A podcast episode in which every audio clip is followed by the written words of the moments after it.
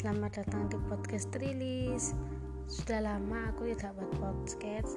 Hari ini aku akan buat buat podcast lagi. Seperti biasa, materi asuhan keperawatan spiritual. Agamis merupakan tekun ibadah, yaitu manusia yang ibadahnya kesehariannya rutinitas bukan kualitas hanya tampilannya saja. Sedangkan spiritual merupakan manusia yang memaknai agama dalam kehidupannya sehari-hari. Dia benar-benar paham tentang agamanya dan dia melayani dengan sepenuh hati. Bagaimana cara untuk menjadi manusia spiritual? Siapa saja yang sudah sepenuh hati melayani sesungguhnya sudah menjadi makhluk spiritual. Faktor yang mempengaruhinya yaitu usia, pendidikan, fisik, mental, siapa yang mendukung, dan lain-lain. Keperawatan adalah komitmen tentang meng mengasihi atau caring. Elemen perawatan kesehatan yang berkualitas adalah menunjukkan kasih sayang pada klien sehingga terbentuk hubungan saling percaya. Rasa saling percaya diperkuat ketika perawat menghargai dan mendukung kesejahteraan spiritual klien. Penerapan proses keperawatan spiritual klien tidak sederhana, bukan sekedar mengkaji praktik dan spiritual keagamaan klien saja. Memahami spiritualitas klien kemudian secara tepat mengidentifikasi tingkat dukungan dan sumber yang diperlukan. Membutuhkan perspektif baru yang lebih luas, yaitu perlu belajar memahami aspek positif dari spiritualitas klien, mendukung dan mengenali klien dalam memberi asuhan keperawatan yang efektif. Pengkajiannya yaitu Asuhan keperawatan akan terjadi bila terbinanya hubungan saling percaya antar perawat dan klien.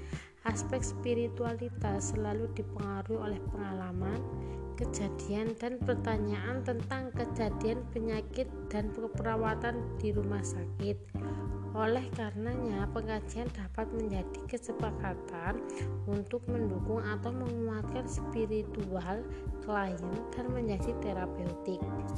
Perawat yang memahami pendekatan konseptual menyeluruh tentang pengkajian spiritual yang akan menjadi yang paling berhasil menurut Farhan 1999. Kapan pengkajian itu dilakukan? Pengkajian dilakukan sebaiknya setelah perawatan dapat membentuk hubungan yang baik dengan pasien atau dengan orang terdekat pasien atau perawat telah merasa nyaman untuk membicarakannya. Apa yang harus dikaji? Informasi awal yang perlu dikaji adalah satu afiliasi afiliasi agama yaitu partisipasi agama klien dalam kegiatan agama jenis partisipasi dalam kegiatan keagamaan. Yang kedua keyakinan atau spiritual agama yaitu praktik kesehatan. Seperti diet mencari dan menerima terapi atau upacara keagamaan. Yang kedua persepsi penyakit yaitu hukuman. Cobaan terhadap keyakinan. Yang ketiga strategi coping selanjutnya mengkaji data subjektif, yaitu meliputi konsep tentang Tuhan atau ketuhanan, sumber harapan dan kekuatan, praktik agama dan ritual, hubungan antara keyakinan dan kondisi kesehatan. Pengkajian data objektif, pengkajian efektif, perilaku, verbalisasi, hubungan interpersonal dan lingkungan. Diagnosa keperawatan Menurut Farhan 1989, ketika meninjau pengkajian spiritual dan mengintegrasikan informasi ke dalam diagnosa keperawatan yang sesuai, perawat harus mempertimbangkan status kesehatan klien terakhir dari perspektif holistik dengan spiritualitas sebagai prinsip kesatuan. Menurut Potter and Perry 1997 setiap diagnosa harus mempunyai faktos, faktor yang berhubungan dengan akurat sehingga intervensi yang dihasilkan dapat bermakna dengan baik dan berlangsung. Diagnosa keperawatan spiritual. Distres spiritual merupakan kerusakan kemampuan dalam mengalami dan mengintegrasikan arti dan tujuan hidup seseorang dihubungkan dengan agama, orang lain, dan dirinya. Ruang lingkup diagnosa keperawatan distres spiritual yaitu satu berhubungan dengan diri dua berhubungan dengan orang lain tiga berhubungan dengan seni musik literatur dan alam empat berhubungan dengan kekuatan yang melebihi dirinya Faktor yang berhubungan dari diagnosa perawatan distres spiritual meliputi A. Mengasingkan diri B. Kesendirian atau mengasingkan sosial C. Cemas D. Kurang sosial, sosiokultural dan atau deprivasi E. Kematian dan sekarat diri atau orang lain F. Nyeri G. Perubahan hidup dan penyakit kronis diri atau orang lain Adapun perencanaannya dalam menetapkan rencana tujuan ditetapkan secara individual dengan mempertimbangkan riwayat klien, area beresiko, dan tanda-tanda disfungsi serta data objektif yang relevan. Tujuan aspek klien distress spiritual berfungsi pada menciptakan lingkungan yang mendukung praktik keagamaan dan keyakinan yang bisa dilakukannya. Tujuan pemberian perawatan spiritual atau mulai 1983 yang pertama klien merasakan perasaan percaya pada pemberi perawatan. Yang kedua klien mampu terikat dengan dia dengan anggota sistem pendukung. Yang ketiga pencarian pribadi klien tentang makna atau hidup meningkat. Tujuan aspek klien akan mengidentifikasi keyakinan spiritual yang memenuhi kebutuhan, kedua menggunakan kekuatan keyakinan, harapan dan rasa nyaman ketika menghadapi penyakit, ketiga mengembangkan praktik spiritual yang memupuk komunikasi dengan diri sendiri, Tuhan dan dunia luar. Yang keempat, mengekspresikan kepuasan dengan keharmonisan antara keyakinan spiritual dengan kehidupan sehari-hari. Adapun kriteria hasil yang diharapkan klien akan menggali akar keyakinan dan praktek spiritual, mengidentifikasi faktor dan kehidupannya menantang keyakinan spiritual, mengambil alternatif atau menguatkan keyakinan mengidentifikasi dukungan spiritual, mendemonstrasikan kekurangan distress setelah keberhasilan intervensi. Pada dasarnya, perencanaan dirancang untuk memenuhi kebutuhan klien dan membantu klien memenuhi kewajiban agamanya dan menggunakan sumber dari dalam dirinya.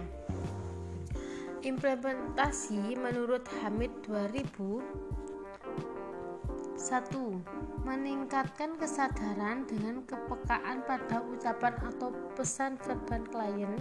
Yang kedua, memahami masalah klien tanpa menghukum walaupun tidak berarti menyetujui klien. Yang ketiga, menentukan arti dari situasi klien, bagaimana klien berespon terhadap penyakit. Yang keempat, membantu memfasilitasi klien agar dapat memenuhi kewajiban agamanya. Yang kelima, memberitahu pelayanan spiritual yang tersedia di rumah sakit. Menurut Ameta dan Bob Bobnet 1986 ada empat alat atau cara untuk membantu perawat dalam menerapkan perawatan spiritual yaitu menyimak dengan perilaku wajar selalu ada menyetujui apa yang dikatakan klien menggunakan pembukaan diri. Miklowski dan Bulletin 2006 dalam NIC Salah satu intervensi distress spiritual adalah support spiritual, yaitu membantu pasien untuk merasa seimbang dan berhubungan dengan kekuatan maha besar. Aktivitas support spiritual meliputi buka ekspresi pasien terhadap kesediaan dan ketidakberdayaan, beri semangat untuk menggunakan sumber-sumber spiritual, siapkan artikel tentang spiritual sesuai pilihan, tunjuk nasihat spiritual pilihan pasien. Gunakan teknik klarifikasi nilai untuk membantu pasien klarifikasi kepercayaan dari nilai jika diperlukan. Mendengarkan perasaan pasien, fasilitasi pasien dalam meditasi, berdoa atau ritual keagamaan dengarkan dengan baik komunikasi pasien dan kembangkan pemanfaatan waktu untuk berdoa atau ritual keagamaan. Yakinkan kepada pasien bahwa perawat dapat mensupport pasien ketika sedang menderita, bukan perasaan pasien terhadap rasa sakit dan kematian.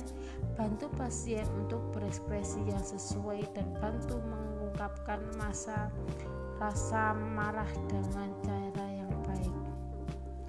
Adapun evaluasinya yaitu perawat mengevaluasi apakah intervensi keperawatan membantu menguatkan spiritualitas klien. Perawat membandingkan tingkat spiritualitas klien dengan perilaku dan kebutuhan yang tercatat dalam pengajian keperawatan. Yang pertama, klien harus mengalami emosi sesuai dengan situasi, mengembangkan citra diri yang kuat dan relatif dan mengalami hubungan interpersonal yang terbuka dan hangat. Yang kedua, klien harus mempertahankan misi dalam hidup dan yakin dengan Tuhan yang Maha. Bagi klien penyakit terminal serius, evaluasi difokuskan pada keberhasilan membantu klien meraih kembali harapan hidup. Menurut Peter N. Perry 1997, tujuan asuhan keperawatan tercapai apabila klien mampu beristirahat dengan tenang, menyatakan penerimaan keputusan moral dan etika, mengekspresikan rasa damai berhubungan dengan Tuhan, menunjukkan hubungan yang hangat dan terbuka dengan pemuka agama, mengekspresikan arti prinsip terhadap situasi dan keberadaannya, menunjukkan efek positif tanpa merasakan marah, rasa bersalah dan as, as menunjukkan perilaku lebih positif dan mengekspresikan arti positif terhadap situasi dan keberhasilan. Demikian podcast hari ini, semoga bermanfaat. Assalamualaikum warahmatullahi wabarakatuh.